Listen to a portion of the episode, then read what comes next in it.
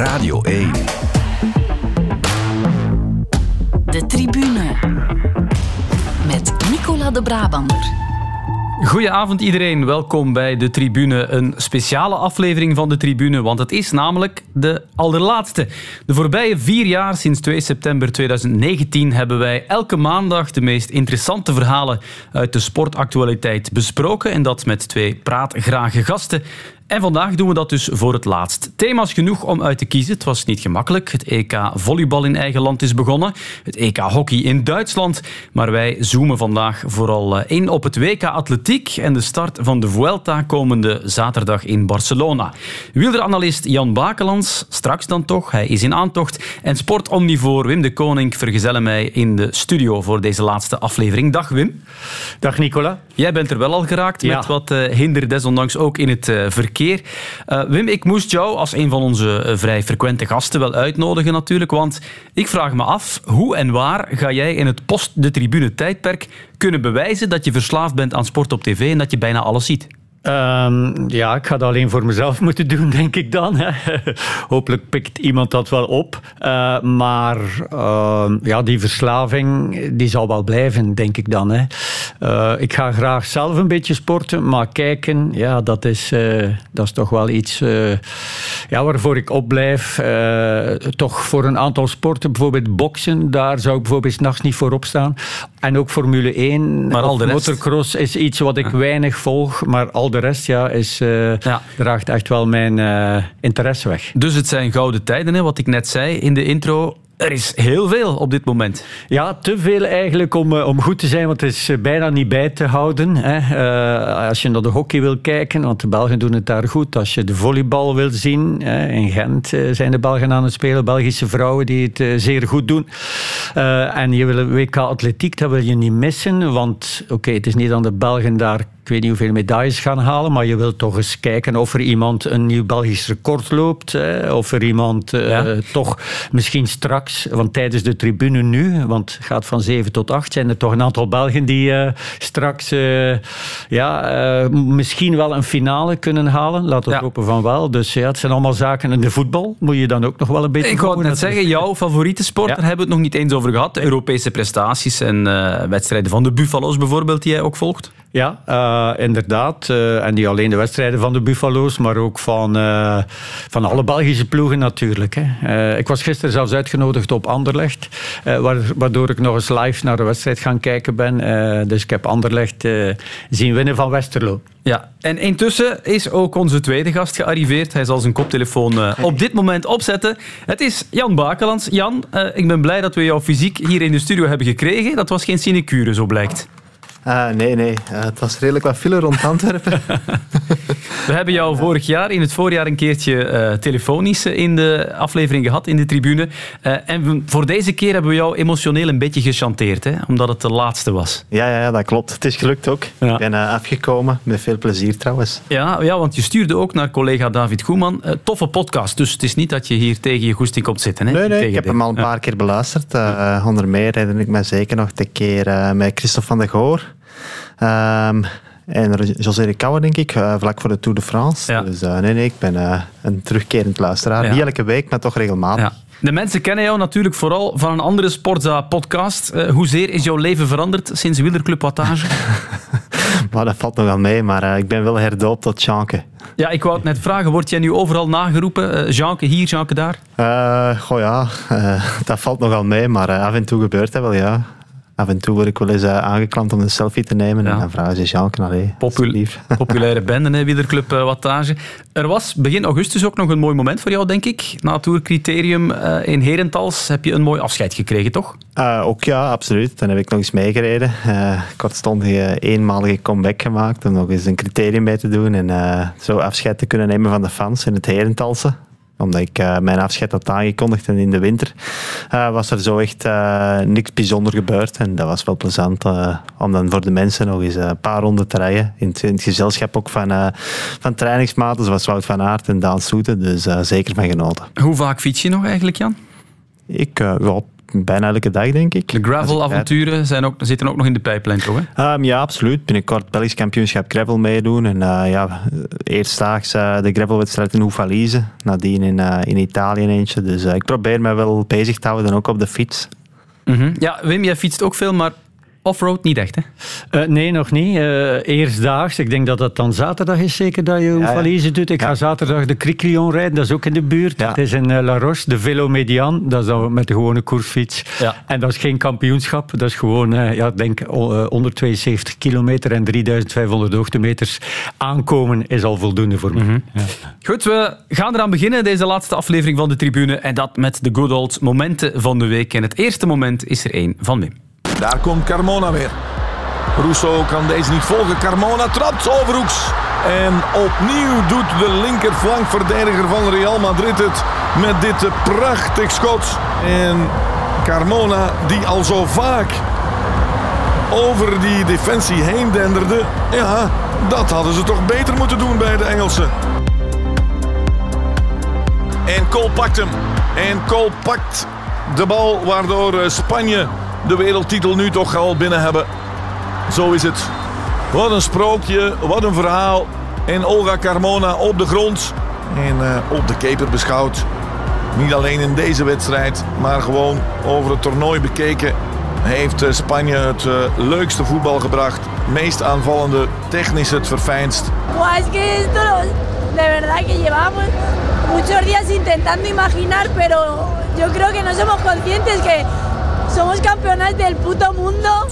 Ja, dat stukje Spaans op het eind, dat moet u zelf misschien maar vertalen, want er was een scheldwoordje bij. Uh, een eerste wereldtitel dus voor Spanje in het vrouwenvoetbal na een overwinning tegen Engeland in de finale. Wim, vertel, waarom koos je dit fragment? Goh, niet zozeer om de kwaliteit eh, van het spel en, en de attractiviteit. Hè.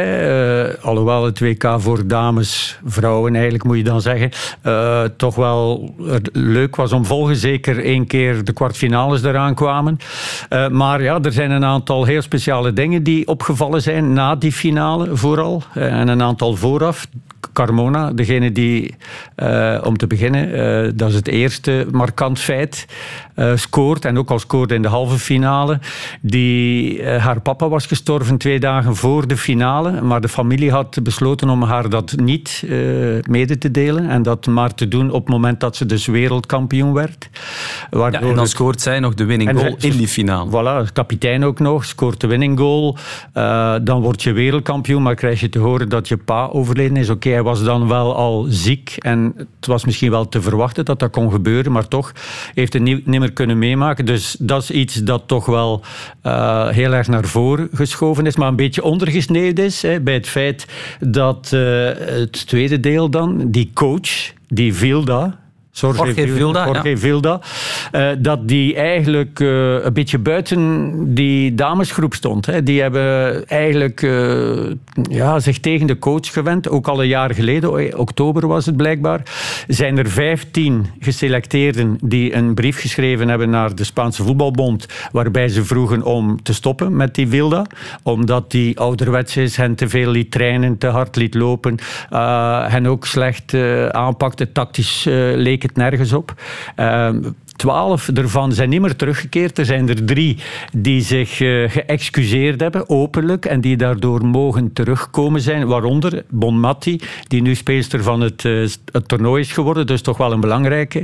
Ik zag ook, uh, en dat is toch wel belangrijk, de Spaanse voetbalbond is achter die coach blijven staan, maar zijn papa is voorzitter van de Vrouwenbond, van de Vrouwenvoetbalbond. Dus ja, er zat niks ons anders op. Ons. Ja, voilà, ons kent ons. Dus hij moest wel aanblijven. En ondanks dat worden ze wel uh, wereldkampioen. In de kwartfinale, waarbij ze Nederland uitschakelden, was er niemand op één bankzitster na, die zich tot de coach wendde na de zege. Al de rest uh, liet de coach echt wel uh, ostentatief links liggen. Uh, ze keken hem met de rug aan. En dat was evengoed zo in de finale. Dus ondanks het feit dat het daar een heel erg rare sfeer moet geweest zijn, zijn ze wel wereldkampioen geworden. En misschien heeft hen dat wel dicht bij elkaar gebracht als groep. Ka zou gerust kunnen. Ja, je kunt je het je bijna niet voorstellen, Jan, dat je in een professionele omgeving op die manier met elkaar omgaat en toch nog su succes boekt. Ja, heel bijzonder. Uh, ook sterk. en ik denk dat ik als ik zelf coach zou zijn, wel mijn conclusies zou trekken en zou vertrekken Want hij moet zich toch verschrikkelijk buitenspel gevoeld, worden, gevoeld hebben. hebben. Ja. En ja, dat, dat, dat straalt ook af op de training, denk ik. Dat hij eigenlijk weinig Alles. leiding geeft in de Ja, training. ja, ja, dus er gaan een paar heel erg sterke figuren bij die dames geweest zijn die in, in die ploeg stonden. Heeft wel een aantal beslissingen gepakt. Putellas, de gouden bal, die in april nog een kruisbandletsel had, eh, die was wel mee, maar die heeft hij bijna niet meer opgesteld, ondanks dat hij dat wel wou. Dus daar heeft hij wel een goede beslissing genomen. Die was echt niet fit. Eh, en voor de rest, ja, ehm, eh, zegt hij toch zelf, eh, we zijn campeones del mundo. En in het Spaans, als er 17 vrouwen zijn en één man, mag je het of moet je het eh, mannelijk benoemen. Terwijl, terwijl eh, eigenlijk zijn zij de campeonas del mundo, maar hij, zei, hij zegt zelf, hij noemt er zichzelf Ja. bij, dus hij vindt zichzelf ook wel een wereldkampioen. En dat is ook wel. Maar het is toch wel een heel bizar verhaal. En of hij na dat WK, Jan zegt het zelf, ik zou zelf mijn conclusies trekken. Ja, nu, nu moet Ja. hij dan toch wel eh, opstappen. Ja, en dan nog iets derde markants, eh, Nicola. Ja. Eh, en nog eh, het meest markante eigenlijk van alles, want daar is heel veel rond te doen, is dat eh, die bondsvoorzitter, de nationale bondsvoorzitter, Luis Rubiales, dat die, die was zodanig eh, blij met die zegen van die, van die damesploeg, dat hij ze allemaal ja, onder het oog van de camera's ongelooflijk uitgebreid geknuffeld heeft, eh, vastgepakt, omhoog eh, gegeven, eh, ze op de, op de wang gekust, maar hij heeft er ene bij de twee oren vastgepakt en ook op de mond gekust. Ja, dat was- En dat was in beeld en hij vond dat zelf geweldig. Zij, dat bleek achteraf Hermoso de was het. Hermoso, ja. Ja. De, de, de- ja, een hele goeie, wel 33, dus al zeer ervaren. En zij zei achteraf in de kleedkamer, en dat is ook opgenomen, ja, ik vond het een beetje vies eigenlijk. Eigenlijk Ja. was ik daar niet blij mee. En hij, ja, iedereen vindt nu dat seksuele agressie in Spanje, de ministers moeien zich ermee, iedereen heeft er nu een mening over. Hij zou moeten aftreden. Er is van alles en nog wat aan de gang door die ene... Strafverhaal. Ik hoorde Stef Wijnands gisteren nog voor dat gebeurd was. Twee van de drie dingen die je opnoemde al zeggen. Het was voer voor een Netflix-serie of een documentaire later. erbij zeker. Dat is zeker en vast het geval. Goed, dan gaan we naar het volgende moment. Dat van Jan. En het wordt een echte sprint aan het einde van deze 10.000 meter. Sifan, Sifan Hassan kan ze het vasthouden. Hassan nog altijd op één. Oh, ze valt! Ze valt! Oh, oh, oh! Drama voor Nederland en Hassan. Ze ligt daar nog altijd. Oh, oh, oh. Tsegai is wereldkampioene. Voor Taye en Gide. Ethiopië op 1, 2 en 3. Ik zie geen bloed, je bent niet door een spike geraakt of zo. Nee, ik, ik, ik, ik Eh, Hebben jullie de video gezien? Ik- voel maar een push. We hebben gekeken, maar het is zo moeilijk te zien. Ik denk wel dat jullie elkaar een momentje raken, maar het is niet zo dat er een been of zo tegen jou aankomt, toch? Eh, Nee, ik heb hier... eh, misschien- Ja, oké, ik ben gewoon misschien ik ben gek, gek geworden. Misschien ben ik gek geworden, Jan. Eh, Jij koos een fragment van de openingsdag van het WK Atletiek in Budapest afgelopen zaterdag. Sifan Hassan kwam ten val, kort voor de finish. Waarom koos je dit moment? Goh, ik, eh, ja, normaal zou ik iets van wielrennen kiezen, maar ja, we hebben het, eh, de hoofdmoot toch gehad ondertussen. En eh, ja, het is natuurlijk ook wereldkampioenschap atletiek. En eh, een sport die mij altijd zeer interesseert om naar te kijken. Sifan Hassan is dan eigenlijk wel een van de vaandeldrangers van het lange afstandslopen. ehm, die dat als ja, Nederlandse domineert mee. En ja, het was voor mij een, vooral omdat het eigenlijk twee keer op de dag gebeurt. ook in de gemengde 4x400 meter. Met Femke Bol, denk ik. Ja. Op het einde, in volle sprint, valt hij ook eigenlijk als het goud maar voor het oprapen heeft. Eh, hetzelfde hier met Hassan, die eh, op weg leek naar de overwinning. Die die wedstrijd echt naar haar hand zet. En dan, eh, ja, eigenlijk op 20 meter van de meet. Al dan niet, want het is eigenlijk heel moeilijk te zien. En ik zou bijna durven zeggen niet in contact komt met eh, haar concurrenten. En ja, de topfavoriete die geklopt wordt, maar die dat nadien ook e- enorm kon relativeren, toch? Ja. Die, allee, ik, ik weet niet, ja, misschien komt dat als je vaak gewonnen hebt, maar natuurlijk als je vaak wint, dan... dan eh, Ze zei onder andere, ja, dit is niet het einde van de wereld. Eh, kan gebeuren. Eerst dacht ze nog aan die duw, maar inderdaad, ze ging daar supergoed mee om. Hè? ja, ja, heel goed. Allee, ik, zou, eh, ik zou mijn ogen eruit wenen, denk ik. En ehm, allee, ik denk dat dat bij veel ehm, atleten zo zou zijn. Natuurlijk, zo was het al geweest. Misschien daardoor dat ze het iets beter kan plaatsen. Ik denk dat het nog altijd wel pijn doet en wringt, maar voor de camera hield ze ongelooflijk haar cool. En eh, ik vond dat toch wel een bijzonder moment. Ja. Maar ja, ze gaat in de 5000 nu nog meedoen en ook de 1500 doet ze. Wat toch wel heel erg speciaal is. 10.000 en 1500 combineren. Dus vandaar. En ze is al een aantal keer wereldkampioen, Olympisch kampioen. Uh, maar toch, uh, als, ja. je, als je zo dichtbij bent. Ja. En Femke Bol die had nog een alerte reactie in huis. Uh, leek voldoende om alsnog brons te pakken. Ze krabbelde weer recht. Ja, maar ze had een stokje laten vallen. Ja, ja, dus, ja, kijk, topsport is en blijft mooi. Maar is natuurlijk ook tegelijkertijd keihard en onverbiddelijk. De tribune. We blijven nog even in Hongarije, want enkele topprestaties van op het WK Atletiek zijn ons nu al na amper twee dagen toch bijgebleven. Die nu al uh, echt uh, vaart maakt in ja, de rechte lijn. Inderdaad. Dan is de vraag of hij ons gaat verrassen, ja. Alexander Doom. Het gaat uh, zeer goed, dus nu kijken, komt hij derde. derde. Uit ja. de bocht, inderdaad. Maar de Braziliaan komt er nog, dus nu is een kwestie van vol te houden. Maar Alexander ja, Doom die gaat zich rechtstreeks ja, ja, plaatsen. Ja, misschien zelfs Alexander, hoor. Ja, ja, tweede plaats voor Alexander Doom in deze reeks. En rechtstreekse kwalificatie. 44-92. Wauw, goed. Wat een toptijd voor Alexander Doom. Hij duikt onder de 45 seconden. Davis in 4, Rosius in 6, Swaboda in 8. Ja, moeilijke opgave uiteraard voor onze landgenoten. Dit Gaat valt, nog vierde worden? Gaat ja? nog vierde worden? Ja, ja, ja, dat is uh, verre van slecht voor Rani Rosius. Indrukwekkend hoor. Het rekenen, ze heeft uh, pas vorige week ja, ja, ja. spikes terug aangetrokken op stage. Ik vond het echt zo goed. Ik had echt zo het gevoel dat ik niet zo super goed aan het lopen was. Ik, was, ik kwam letterlijk aan en ik besefte ik ben mijn glitterspray vergeten in mijn haar. Ik zag zo dat glitterspray in haar haar. Ik dacht nee, ik heb dat niet gedaan. Dat is echt... Ah. Maar ja, het is gewoon geweldig om nu gewoon... Ik mag naar de halve finale op een wereldkampioenschap met twee maanden geen wedstrijden gedaan te hebben. En het is echt ja, overdonderend.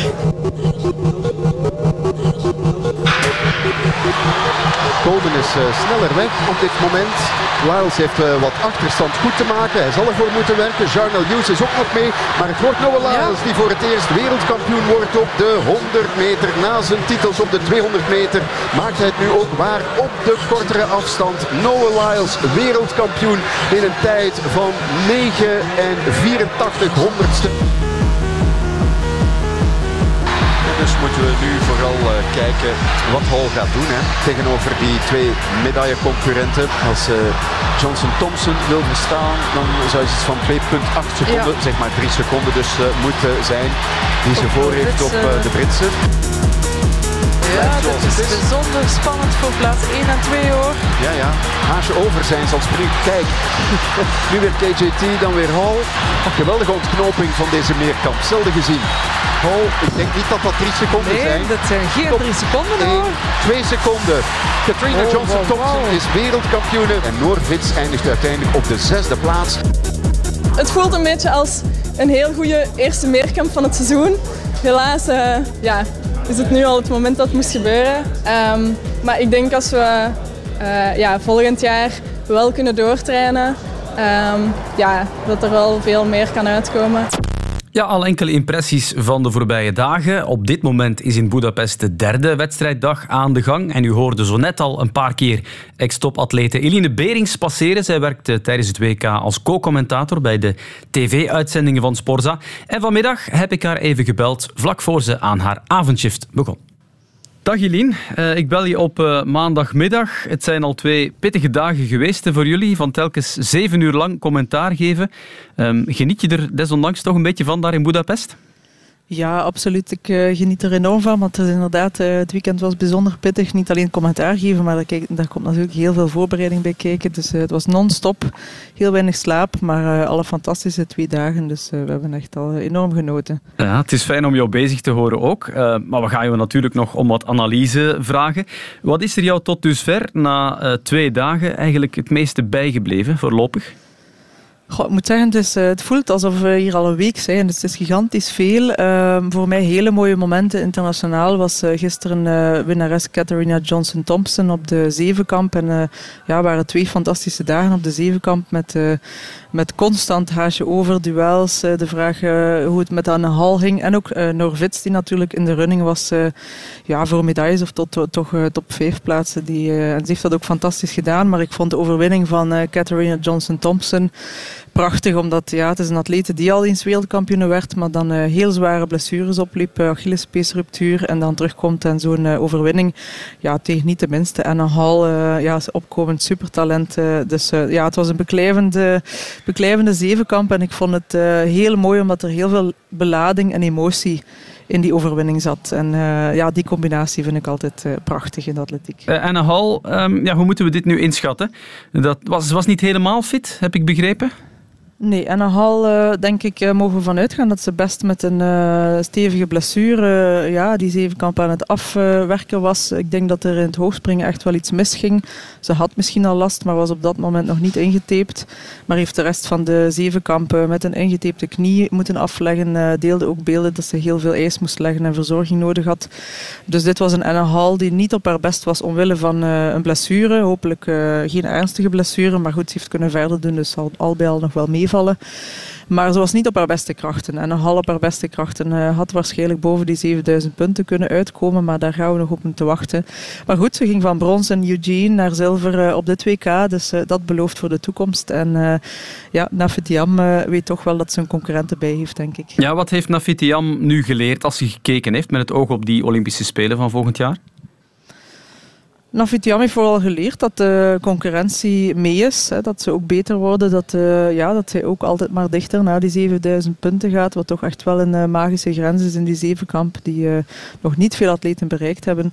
Um, ja, zeker die Anne Hall, die nog maar 22 jaar is, um, ja, komt wel echt op. Maar een goede Nafi zal zeker in Parijs opnieuw meedoen voor die gouden medaille. En zij zal zich vermoedelijk vooral focussen op zichzelf. Niet te veel bezig zijn met de concurrentie, maar vooral proberen die lastige Achillespeesblessure onder controle te krijgen of hopelijk helemaal opgelost uh, te krijgen en dan uh, in volle training gaan. Maar ze was heel goed deze winter, dus uh, ja, Nafi moet vooral rustig blijven, vertrouwen in zichzelf en uh, ja, eventueel die 200 meter nog wel wat proberen verbeteren en dan zien we ongetwijfeld in Parijs ja, opnieuw een bijzonder spannende zevenkamp. Mm -hmm. En daar moeten we het uiteraard ook over hebben. Zij werd uiteindelijk zesde na een heel moeilijke voorbereiding. Ja, dat is gewoon een knappe prestatie, niet meer of niet minder.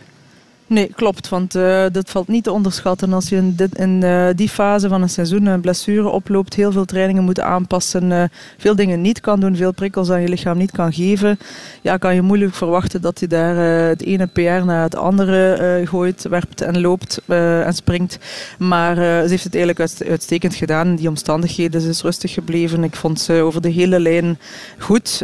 degelijke prestaties tot zeer goede prestaties. En ook, ook voor haar toch wel veelbelovend als zij hopelijk nu de winter in gaat, eh, helemaal gezond en echt kan doortrainen, dan, uh, dan moeten we toch Norvits ook blijven op, uh, opschrijven als een outsider eerder voor de medailles. Maar, uh, maar zij zal hopelijk ook nog wel hier en daar wat kunnen verbeteren. En ja, we moeten ze toch blijven volgen, maar opnieuw een, een hele knappe prestatie en een heel hoog niveau van de zevenkamp zesde worden is een heel mooi resultaat. -hmm. Ik heb jullie ook zeer enthousiast horen commentaar geven, jij en collega David Naert, um, toen Alexander Doom ja, de snelste 400 meter uit zijn carrière heeft gelopen, 44-92. Wat betekent dat voor hem en wat betekent dat in de Belgische atletiek? Ja, dat was heel lang geleden dat we ja, dit soort tijden zagen in België. Dat is geleden van de beste jaren van Jonathan en Kevin Borlée. En ja, die, die grens van 45 seconden, dat is toch echt wel, zeker voor de atleet zelf, echt wel een grens waar je, ja, eens je daarin komt, eens je kan zeggen, mijn persoonlijke record begint met een 44, ja, dan ben je toch wel één van die, uh, van die absolute toppers. De echte wereld, wereldsterren, die lopen natuurlijk onder de 44. Maar dit is toch echt wel, ja, je komt in een, in een groep van topatleten en uh, mentaal geeft dat zeer veel vertrouwen. Uh, zal hem een heel, heel sterke boost geven, ook naar Parijs toe. Is ook, is ook geplaatst door die tijd te lopen voor Parijs. Dus ja, voor Alexander is het gewoon een bevestiging wel van iets wat er al zat aan te komen. Is al een paar seizoenen alleen maar beter en beter aan het worden, goed aan het lopen, goed seizoen indelen. Maar uh, ja, dit zal ongetwijfeld hem wel wat vleugels geven voor de toekomst. En uh, ja, zoals ik zeg, heel veel vertrouwen geven om, uh, om nog sneller te lopen. Oké, als we het WK nog wat verder bekijken vanuit het internationaal perspectief. De 100 meter bij de mannen bijvoorbeeld, die werd ook al afgewerkt zondagavond. Noah Lyles, heeft hij gewoon zijn favoriete rol waargemaakt? Goh, nee, absoluut niet. Hij heeft natuurlijk zichzelf vooraf wel uh, uitgeroepen tot ja, grote favoriet. Maar Noah Laars, ja, Noah Laars is, uh, was eigenlijk absoluut niet de favoriet op papier, toch niet op die 100 meter. Hij is eigenlijk eerder een 200 meter favoriet. Uh, had tot nu toe geen medailles op die 100 meter. En ja, was wel een outsider of een van de mogelijke kandidaten. Maar hij voorspelde voor zichzelf dat hij 9,65 zou lopen. Dat heeft hij niet gedaan. Maar ik moet eerlijk zeggen, hij was wel bijzonder indrukwekkend. Zeker als ik dan denk aan die 200 meter die er nog zit aan te komen. Ja. Ja, zijn topsnelheid en zijn endspeed, zoals we zeggen in het, uh, in het Engels, dus het laatste, de, ja, de, de snelheidsuithouding eigenlijk, die waren wel van een heel spectaculair niveau. Dus, uh, en hij doet het wel, hij heeft het aangekondigd, legde de druk zelf op zijn eigen schouders. En om het dan toch ook uh, af te maken, ja, was wel een mooie sprintshow natuurlijk. Ja, de finale bij de 200 meter is voor vrijdag, als ik me niet vergis. hij wil het wereldrecord van Usain Bolt breken daar, 1919. Ja, dus uh, dat voorspelde hij dus ook. Na die, naast die 965, uh, 1910. Nu goed, laten we eerlijk zijn, die 1919 van Usain Bolt, dat gaan we niet zomaar, uh, zomaar zien. Maar uh, ja, hij heeft wel een uh, persoonlijk record van, als ik me niet vergis, 1931 of 1930. Het Amerikaans record ook al. Hij verbrak daarmee het record van Michael Johnson, de voormalige wereldrecordhouder. Dus hij komt wel stilaan in de buurt. En als ik hem bezig zag op die 100 meter, verwacht ik wel een spectaculaire 200 meter. Maar 1910, dat lijkt me wel heel straf. Uh, Ja. Ik denk dat we eerder moeten kijken hoe dicht komt hij erbij. En wie weet er net onder, dan, uh, dan dat hij er ook ineens een tiende zal afdoen. Mhm. Terug naar de 100 meter. Wat is er eigenlijk misgelopen met de titelverdediger Fred Curly, regerende wereldkampioen? En wat met Olympisch kampioen Marcel Jacobs? Hij haalde de finale niet. Ja, Marcel Jacobs natuurlijk ja, was een beetje verwacht. Hè. Hij had een moeilijk seizoen, heel veel blessures, ook vorig jaar al. Dus uh, was helemaal niet fit, wou het gewoon proberen, proberen maar hij was uh, helemaal niet uh, een van de favorieten. Fred Curly daarentegen, ja, vond ook, heeft, ook hij had zichzelf uitgeroepen als ik, I am the world champion. Hij was natuurlijk de verdedigende wereldkampioen, maar ja, raakte niet eens in de finale, wat voor hem toch een verrassing was. bijzonder is dat hij ook van positie in de startblokken veranderde. Na de reeks ging je met de andere voet als eerste in de startblokken zitten. Dus hij wisselde eigenlijk de kanten van de startblokken, wat je nooit ziet. Dus Ja. uh, vermoedelijk was hij toch, had hij toch een lichte blessure of was er toch iets aan de hand. Maar hij zat niet in de reeks. En uh, ja, dan uh, op sprint heb je geen marge. Het is heel veel concurrenten en die, die marge had hij dus ook niet. En zo werd het de aftocht, een pijnlijke aftocht toch wel voor Fred Curly. En zo toch wel een grote verrassing op, op dit WK. 100 meter bij de vrouwen, dan hebben we het uiteraard over Rani Rosius. Ze heeft zich geplaatst voor de halve finale met een PR van 11-18 en dat na weken revalideren. Uh, hoe het ook afloopt, hè, want die volgende wedstrijden komen er nog aan. Maar dit is ook al een prestatie om super trots op te zijn, zag je ook aan haar reactie. Ja, de, zij heeft eigenlijk een onmogelijke waargemaakt. Natuurlijk, het was al bijzonder. Ze had eigenlijk die 11-20 in, uh, op de Europa, Europa-beker met een spierscheur gelopen. Hè. Ze liep eigenlijk die spierscheur op tijdens de wedstrijd, liep dan toch 11-20. Dus ja, dan denk je al, uh, een, een fitte, gezonde Rani kan, uh, kan misschien wel gewoon nog een stuk rapper dan die 11-20. Maar goed, moest dan twee maanden revalideren, uh, heel voorzichtig lopen. Kon wel nog lopen, maar moest het veel rustiger aandoen. Ja, deed dan vorige week eens de spikes aan en een startje op stage in Turkije met het Belgisch team. En komt dan hier en loopt 11-18 ja, het is weinig gegeven om, uh, om zo die, ook, die menta ook op mentaal vlak om met zoveel rust en ontspanning gewoon te zeggen kijk, we gaan het wel zien op het hoogste niveau, een PR lopen uh, in die omstandigheden. Dus dat belooft voor de toekomst. Maar goed, deze keer gaat ze wel haar uh, glitterspray aandoen, dus misschien, misschien zal ze nog wel een stukje rapper lopen in die halve finale. Ja, wie zal het zeggen. Um, Eline, waarnaar en naar wie kijk jij nog uit de komende dagen, als we het hebben van nu maandag tot het einde van het WK? Ja, ik kijk uh, eigenlijk natuurlijk zelf uh, altijd wel uit naar de 100 meter horden. Ja, dat blijft ja. natuurlijk voor mij het, uh, het, nummer, maar daar is toch wel ook veel spektakel verwacht met Jazz, ja, Camacho Quinn, maar ook ex-wereldrecordhouder Harrison. Een heel, heel hoog niveau. Maar er komt nog heel wat aan. Ik kijk enorm uit naar de 200 meter natuurlijk van Noah Lyles, maar hij heeft toch wel kapers op de kust met Tebogo en Knighton. ja, en er komt nog zoveel aan. Ook de finales van Ingebritsen bijvoorbeeld op de ja. 1500 meter. Uh, ja, ook wat gaat Sifan Hassan nog doen. Dus uh, het is te veel om op te sommen. ik, uh, ik moet heel erg nadenken, omdat het zoveel is. Wel, kijk, en zoveel dat... namen en zoveel disciplines. Maar ik denk, ik kijk eigenlijk uit naar bijna alles dat uh, nog komende is. Dat belooft. in elk geval bedankt voor je analyse, Eline. En ik wens je nog veel plezier en kijkgenot en prachtige prestaties toe daar in Hongarije. De tribune. Nu het WK wielrennen al in augustus werd georganiseerd in Glasgow, dat zogenaamde Super WK, ja, is het agendagewijs even wennen voor de wielerliefhebbers. Maar toch hebben ze zeker en vast nog iets om naar uit te kijken. Want zaterdag begint in Barcelona de 78e editie van de Vuelta de España. De laatste grote wielronde van het jaar is dat. En Remco Evenepoel, de kersverse wereldkampioen tijdrijden, begint er natuurlijk aan als titelverdediger. Ja, het is, het is drie weken dat je heel concentreren.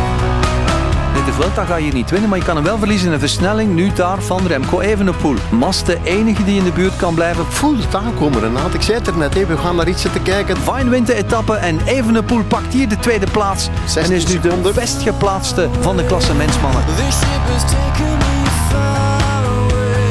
Laatste meters. Geribbeld beton, José. Ja, ja, ik weet er alles van. Ik heb het toch gezegd, hè. Een erehaag. Grip te hebben. En grip heeft hij. Remco Evenepoel, rules op de prairie van Nava. De bom van Schepdaal in zijn allereerste tijdrit in een grote ronde die hij wint. Bijna 56 gemiddeld.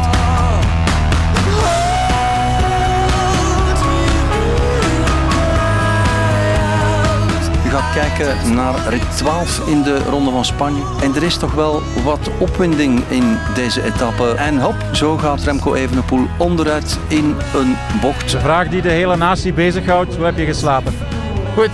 Ja, goed geslapen. Voorstel, dus... eh, het, was, eh, het waren maar oppervlakkige blessures, dat is uh, het voornaamste. Ja, dit gaat bergop. Dit gaat bergop. En nu? Demarrage van Roglic op links? Ja. Daar lijkt het op, ja. Ja, Roglic. ja, ja, ja, ja. Roglic, absoluut. Oeh, maar hier nog een probleem voor Evenepoel. Lek. Oeh, de val. Roglic valt hier ook nog. Wat krijgen we hier allemaal in deze etappe? We krijgen een sprint met drie. En het vat is leeg bij Robert Geesink. Ja, ja, maar Hoe het is dicht ook nog kan je niet- er verdorie bij komen? Ja, pas op. Mas of Evenepoel voor de etappe. Het is eh, voor Evenepoel zijn tweede ritwinst in deze ronde van Spanje. De grootste schaal is voor de man uit Schepdaal. Ik heb er gewoon geen woorden voor, maar we zijn nu ongeveer in twee jaar, allee, exact twee jaar. Op dit moment lag ik nog in mijn ziekenhuisbed thuis, dus eh, van een ommekeer gesproken. Hè. Ja, vorig seizoen won Evenepoel de Vuelta met 2 minuten en 2 seconden voorsprong op Enric Mas. Ayuso werd de derde op net geen 5 minuten. En intussen, eh, Jan en Wim, is Evenepoels palmarès er alleen maar straffer gaan uitzien. Eh, dit jaar heeft hij al eh, 10 eh, zegens gepakt. Maar Jan, wat de Vuelta van dit jaar betreft, het wordt een flink stuk moeilijker, denk ik. Hè? Want de tegenstand is niet van de poes. Vingegaard, Roglic, Thomas, Ayuso, Carapaz, Mas, Almeida. Sterkst bezette Vuelta ooit, heb ik ergens gelezen. Wat denk je ervan? Ja, het zou kunnen. Het zal zeker niet makkelijk zijn, maar we mogen ook vorig jaar niet minimaliseren in de, in de, in de deelnemerslijst die we dit jaar zien. Dus ik vond vorig jaar was straf, een beetje meeval gehad op beslissende momenten. Het uitvallen van, van een Roglic die toch eh, aan momentum aan het winnen was. Maar daarvoor moeten we wel zeggen, was er twee weken wel aanwezig, waarin Remco vaak de betere was van Roglic. En dit jaar, ja, dat valt te bekijken. Hoe dat, eh, ik denk bijvoorbeeld voor Vingegaard, dat is eh, nu zijn tweede grote ronde op ja, drie maand tijd. Hoe, is die, hoe komt hij aan de start? Heeft hij nog dezelfde scherpte, ehm, dezelfde ehm, spanning op de benen staan als dat hij had in, in, eh, in Frankrijk? Dat, dat weten we momenteel niet. Met welk eh, idee komt hij aan de start? Is hij echt daar om zelf ervoor te gaan of komt hij toch meer in dienst van Roglic? Ehm, Ayuso, ja, die verwachten we meer van, omdat hij ook lang met blessuren heeft ge- gesukkeld dit jaar. Dan in de ronde van, van Zwitserland hernomen. Daar eigenlijk ehm, twee ritten gewonnen, waarvan vooral de laatste tijdrit bijbleef. Omdat we niet wisten dat Ayuso ook zo'n goede tijdrijder was. Heeft hij een stap voorwaarts gezet. Vorig jaar stond hij op het podium, maar we moeten ook wel zeggen, waren best wel wat coronagevallen geweest. Die onderweg ehm, ja, het peloton gedecimeerd hadden. Als ook ehm, ja, het wegvallen van Roglic in de laatste week was toch wel ehm, ja, jammer voor de spankracht, maar goed voor Remco. Ja, ja, je begint met heel wat nuance. Dat is goed, laat ik die nuance even weghalen. Wim, wie wint de Vuelta? Eén naam. Oh, ja. Eén naam, Dat snel. iets. Ehm, We gaan er zo meteen ik diep hoop, op in. ik hoop Remco, maar ik vrees Roglic. Oké. Want vorig jaar eh, kwam hij toch eh, in Spanje na een valpartij in de Tour en zo mindere voorbereiding. Heeft heel het jaar eigenlijk kunnen rijden wat hij wou rijden en zich voorbereiden. Dus komt eh, op en top in de grote vorm eh, aan, eh, aan de aftrap. Jan, De jouw aftrap, naam? zeg ik dan. De aftrap. Wel ja, het klopt dat we zeker een betere Roglic aan de start zien dit jaar dan vorig jaar. Dezelfde Roglic aan de start. Ehm, ik hoop dat Remco wint. En geloof je het? Ehm, ja, ik geloof daar wel in. Ja. Ehm, het zal één van drie renners zijn, denk ik. Roglic, Vingegaard of Remco Evenepoel. Ben je ook van die mening, Wim, dat het tussen die drie gaat? Ik weet niet, die twee, Roglic en Vingegaard, of die ja, 1 en 2 zouden kunnen worden. Ik heb daar geen idee van. Hè. Eh, Jan zegt, oké, hij heeft al uh, de Tour gereden. Ik heb ook gezien dat Kelderman, Van Baarle, uh, er zijn er een aantal. Koes, Sepp Koes gaat zijn derde grote ronde rijden. Gaan die mannen nog zo gefocust zijn? Want ik las ook wat van Ilan van Wilder bij, voor, voor Quickstep, Soudal Quickstep, dat hij zei van, ja, ik heb mij geen, niet meer kunnen opladen om nu een tweede keer een grote ronde ja, hij is er rijden. Bij, ja. ja. hij was erbij in de Giro. Hij en Serie zijn de enigen die uitgereden hebben, ook door corona gevallen. Maar die, die heeft zich niet meer kunnen opladen, mentaal en fysiek misschien ook wel, om nog eens voor te bereiden naar een grote ronde. En dan is hij nog niet, dat, dan is het als meesterknecht. Hè. Louis Vervaken, die ik toch redelijk goed ken, die had ook moeite, heeft dat aangegeven aan, eh, aan Lefebvre. En Lefebvre heeft dan toch voor één keer gezegd, oké, dan kunt je nu op stage vrouw en kind meenemen. Terwijl dat normaal gezien bij Quickstep niet het geval is. Oké, eh, Jumbo, Visma doet dat wel, meestal, hè, omdat die mannen daar altijd op, uh, op hoogte gaan en dat dat toch wel heel erg ja, lastig is en vervelend. Ik denk dat zo'n stage lastiger is dan een tour. Mentaal.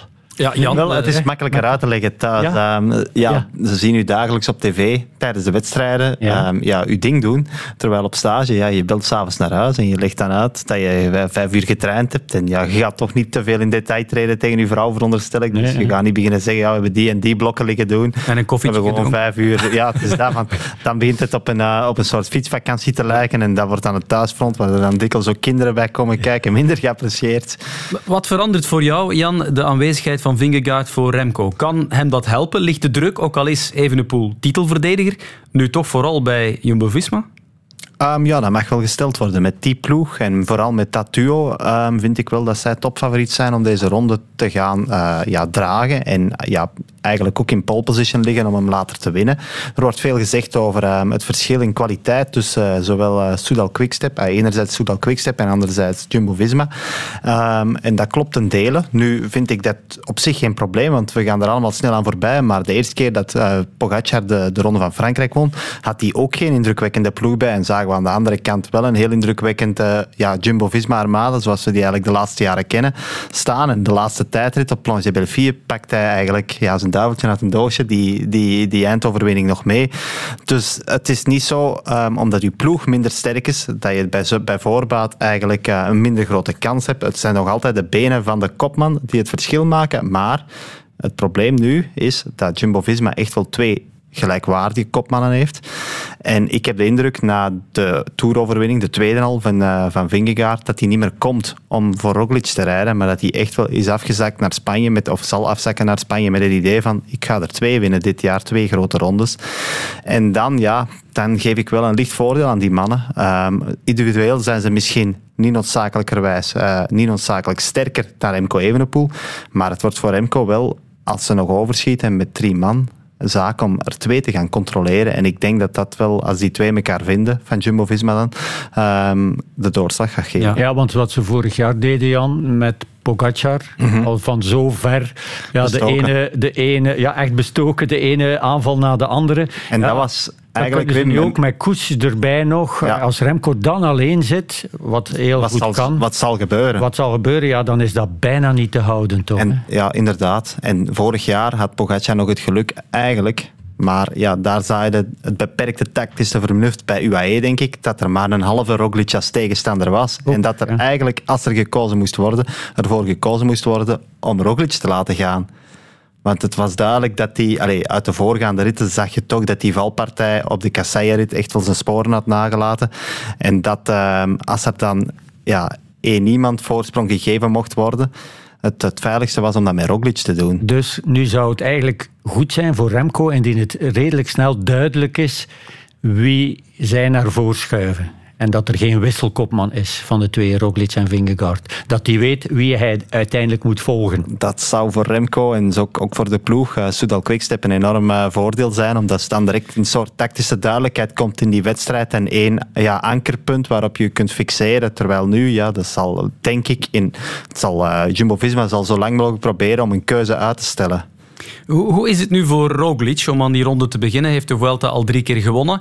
Ehm, die communicatie over de deelname van Vingegaard aan de Vuelta kwam laat, maar blijkbaar intern was dat al veel langer geweten. Dus dat heeft uh, Roglic niet verrast. Maar desondanks, Jan, kom je wel aan de start, wetende dat ja, Vingegaard net die Tour op indrukwekkende wijze heeft gewonnen.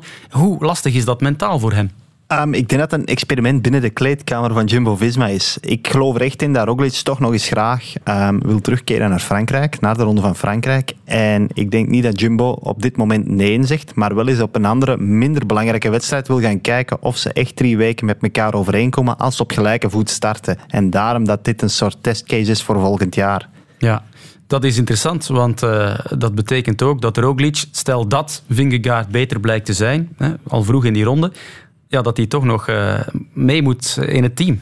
Ja, en hij staat toch wel een beetje bekend als iemand die ja, individueel ook vroeger als atleet gewerkt heeft, als gastspringer. Ah, het, is een, het is een kopman. Hè. En uh, die komt natuurlijk voor eigen succes rijden. Roglic start ook niet in de Vuelta hier met het idee van ik ga straks Vingegaard op het hoogste schavotje helpen. Die start ook met het idee ik wil straks in, uh, in Madrid de winnaar van deze ronde zijn.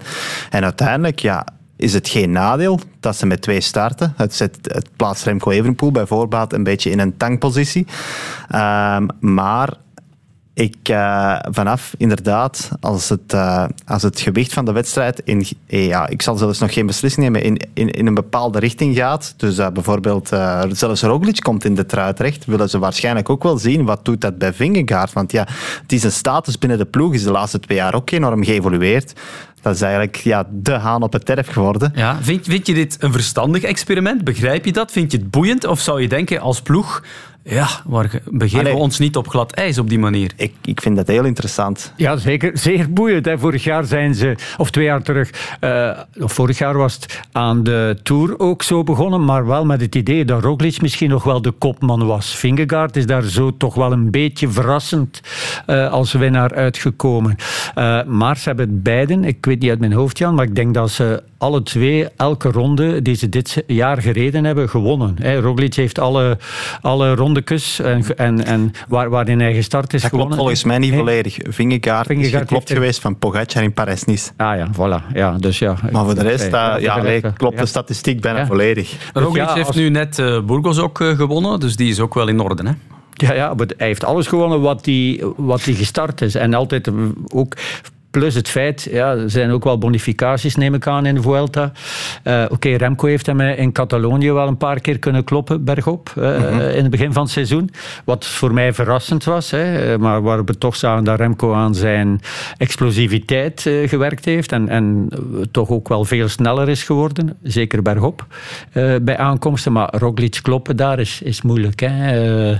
dus bonificaties en er is maar één tijdrit. En er is ook een ploegentijdrit. Daarmee begint ja. Ronde van Spanje, dat is een ploegentijdrit, uh, vrij korte afstand wel gaat. Het is 9 kilometer korter dan, dan vorig uh, jaar.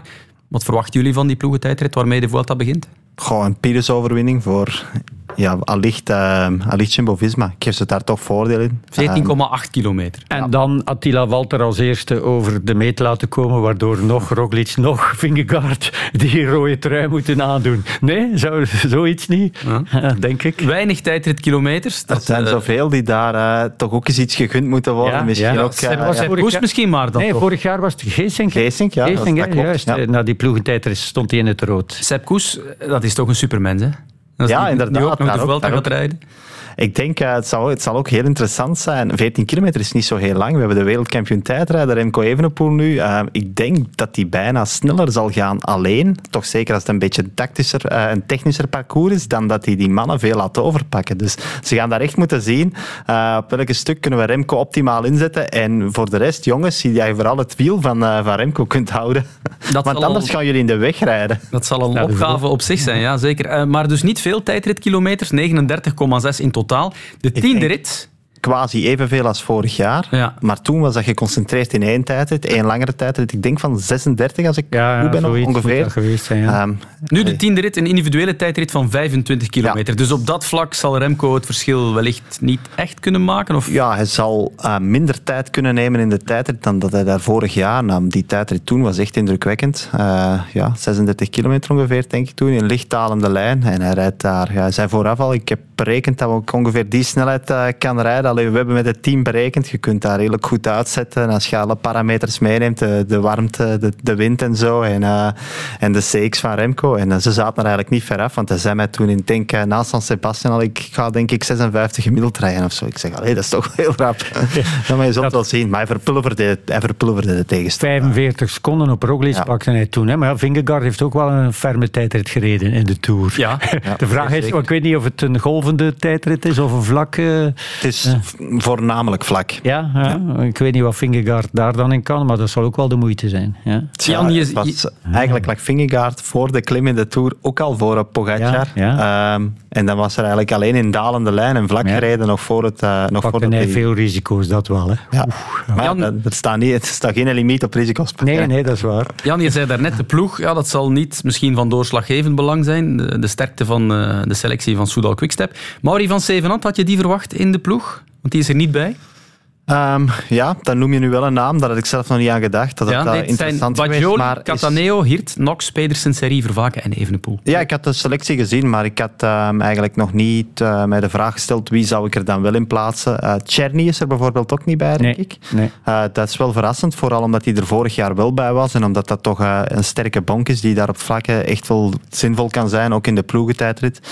Ehm, ja, maar en Mauri had die geen... Is gevallen. ja, voilà, ik wou zeggen, ik denk dat hij een blessure had opgelopen, waardoor ehm, ja, het, er, het er gewoon sowieso bij voorbaat niet in zat. Onlangs hè, is hij gevallen. Ja, Ja, ja. dus, eh, en Zijn, zijn papa wilde er niet te veel op ingaan toen we Ah, hem ja. net hebben gebeld. Dus Oké, eh, ah, ja. we, gaan, we gaan het niet weten. Ehm, het parcours voor de rest, het is wel een klimvuelta. Hè. Er zijn eh, 9 à 10 aankomsten bergop, Jan. Ja, het zou kunnen dat we al snel duidelijkheid hebben. Rit 3 is al aankomst boven, hè. al pittig. Ehm, dat klopt, ja. Eh, in de Tour hebben we dus gesproken van een lastige start en al snel naar het hooggebergte. Rit 5 zaten we toen in de Pyreneeën en dat was voor de, voor de Ronde van Frankrijk eigenlijk du jamais vu. Maar ehm, ja, eh, in de Vuelta gaan ze traditioneel nog sneller. Het Andorra, derde opzoeken. Maar dit is nu wel heel snel en de rit is ook echt wel heel lastig. Dus dat zal ehm, het klassement al in een zekere plooi leggen. Maar tussen die grote, denk ik, zullen de verschillen klein blijven. Het is trouwens een tendens die we eigenlijk zien in Giro en in Vuelta de laatste jaren meer en meer. Daar gaan ze eigenlijk altijd extremer en meer en meer die hoogtemeters opzoeken. En eigenlijk altijd, ehm, dat is de natte droom van de Tour eigenlijk, blijft het toch kort bij elkaar liggen en valt de beslissing pas op het einde van de, van de derde week. Het zou kunnen dat een deel van de beslissing ook in Frankrijk valt. Hè? Want eh, we steken de grens over met de Vuelta. Dertiende etappe. De Obisque aankomst op de Tourmalet. Dus dat is ook een serieuze Pyreneeënrit. Ja, ja, dat zal zeker, eh, zeker doorwegen. Er is ook de beklimming van Angliru in de derde week, denk ik. Dat is de zeventiende etappe, inderdaad. En dan eigenlijk traditioneel ehm, doen ze de voorlaatste dag een bergrit in de Sierra Madrilena. Ehm, meestal zijn dat niet de lastigste calls, eerste categorie, maar het zijn nogal lopers. Maar dit jaar hebben ze gekozen voor iets wat mij heel interessant lijkt. Nu, door de sterkte van Jumbo-Visma zal het... We moeten nog zien of ze dan nog zo sterk zijn, want er kan tussen hier en Madrid heel veel gebeuren. Maar ehm, het is zo een rit, heel de dag op en af, een soort luik-bastenaken-luik. 4000 hoogtemeters op de voorlaatste dag. Geen enkele noemenswaardige klim, eh, zegt eh, de, de organisator van de Vuelta zelf.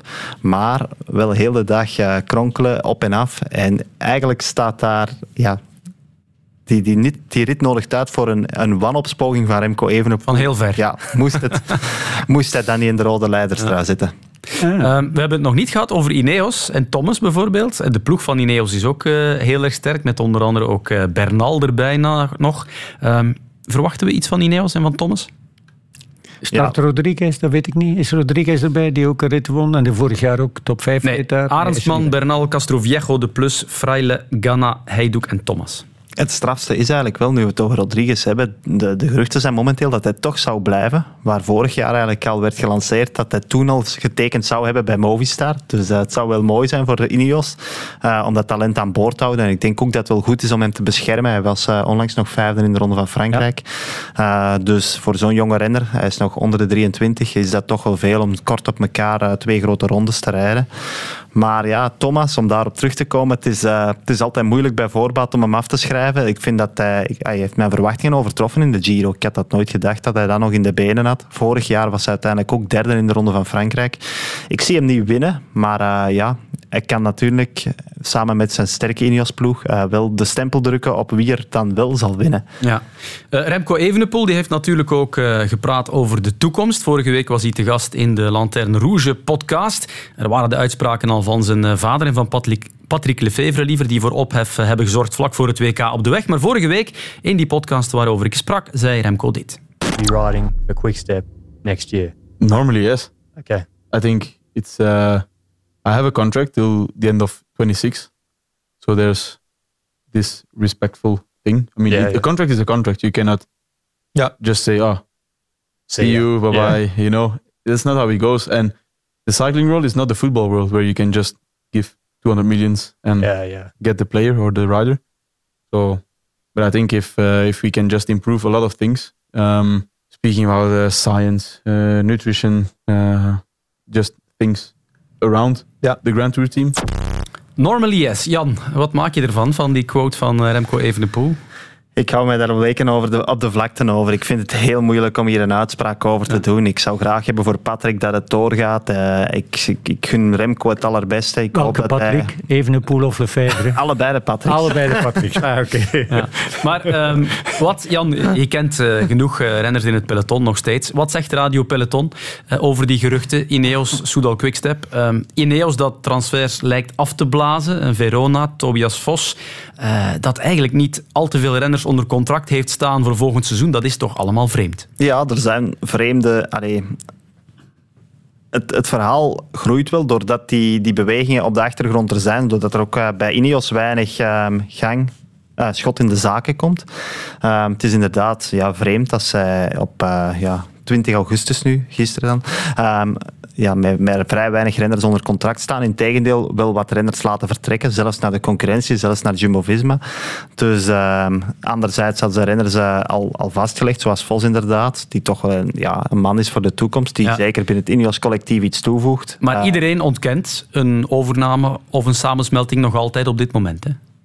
Ja, ik denk dat wij altijd eh, normaal gezien, en zo hoort dat ergens ook, wel de laatste zullen zijn om het te weten. Maar ik heb ook echt mijn twijfels. Al die verhalen, het- allee, als je dan verder gaat doordenken, zelfs een fusie of een overname, eh, er zijn toch wel dingen die zomaar niet uitgeklaard geraken. Die, eh, Zoals de...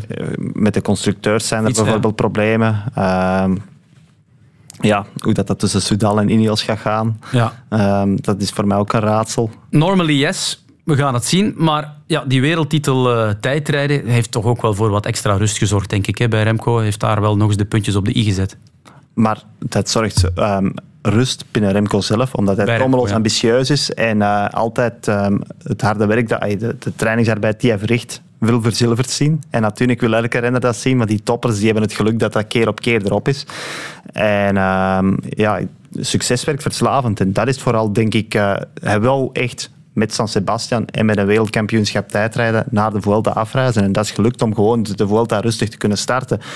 Maar op zich, over die transferperikelen veran- ay, veranderen. Voor- wat, wat betreft de transferperikelen veranderen die overwinningen weinig, denk ik, voor hem. Oké.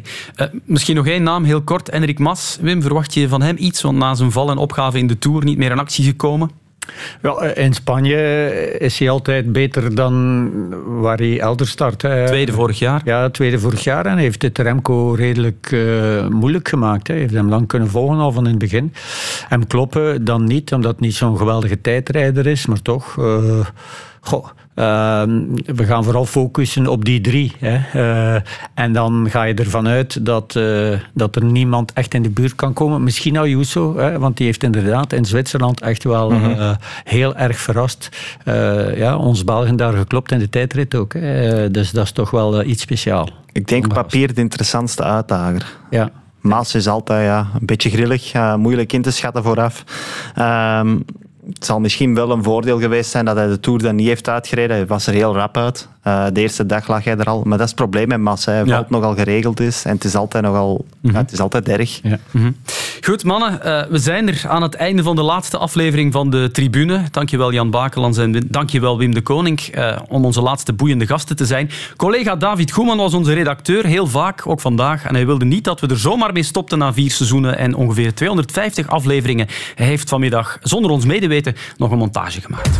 Een heel goede avond en welkom bij de allereerste aflevering van De Tribune, de wekelijkse afspraak op Radio 1 om een uur lang te discussiëren over sport. En jongens, jongens, wat is er veel gebeurd? Daarom twee gasten die deze uitzending perfect kunnen vullen. Peter van den Bent. Ik wil er overigens, even als intermezzo, toch op wijzen, in alle onbescheidenheid, dat mijn allereerste, misschien meest roekeloze voorspelling Ja, ja, ja. van het Champions seizoen nu al is uitgekomen. Vroeger dat ik had gedacht. Ik heb gezegd, Paris Saint-Germain wint de Champions League. Eerste podcast, hè, Peter? Sportza-collega Tom Boudeweel. Dominique Monami. Kian Uitenbroeks. Welkom Kian. Hans van de Wegen. Van der Poel is voor mij het, eh, het beste wat ooit op twee wielen heeft rondgereden. Mark Vermeijeren. Simon Mignolet. Peter Verbeke, CEO van Anderlecht. Goedenavond Ivan de Witte. Ja, Gent te koop, er is nog een verschil tussen investeerder en, en, en, Ja, en ja, ja. verkoop.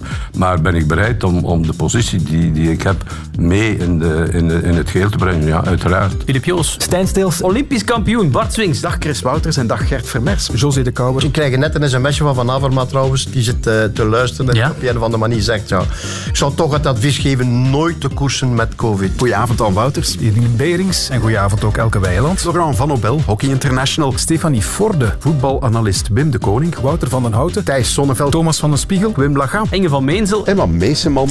Inderdaad altijd het leukste, de geschiedenis schrijven. Maar we gaan het niet jinxen. Hè? Ik zwijg. Maar ze zijn al goed bezig. hè. Vanaf nu zwijg ik. Het is voorbij gevlogen als je het mij vraagt dat eerste uur. Ik ga jullie bedanken. Bedankt om erbij te zijn vandaag. Dankjewel om naar de studio te komen. Dit was de tribune. Fijne avond nog. Dag. Ja, dit was de tribune. Het was fijn om deze uitzending en podcast te mogen maken voor u. Bedankt voor de vele reacties en om de tribune zo trouw te volgen de afgelopen jaren. Vanaf september een nieuwe dagelijkse podcast met Jonathan Mettepenningen, onder andere als host. Tot dan.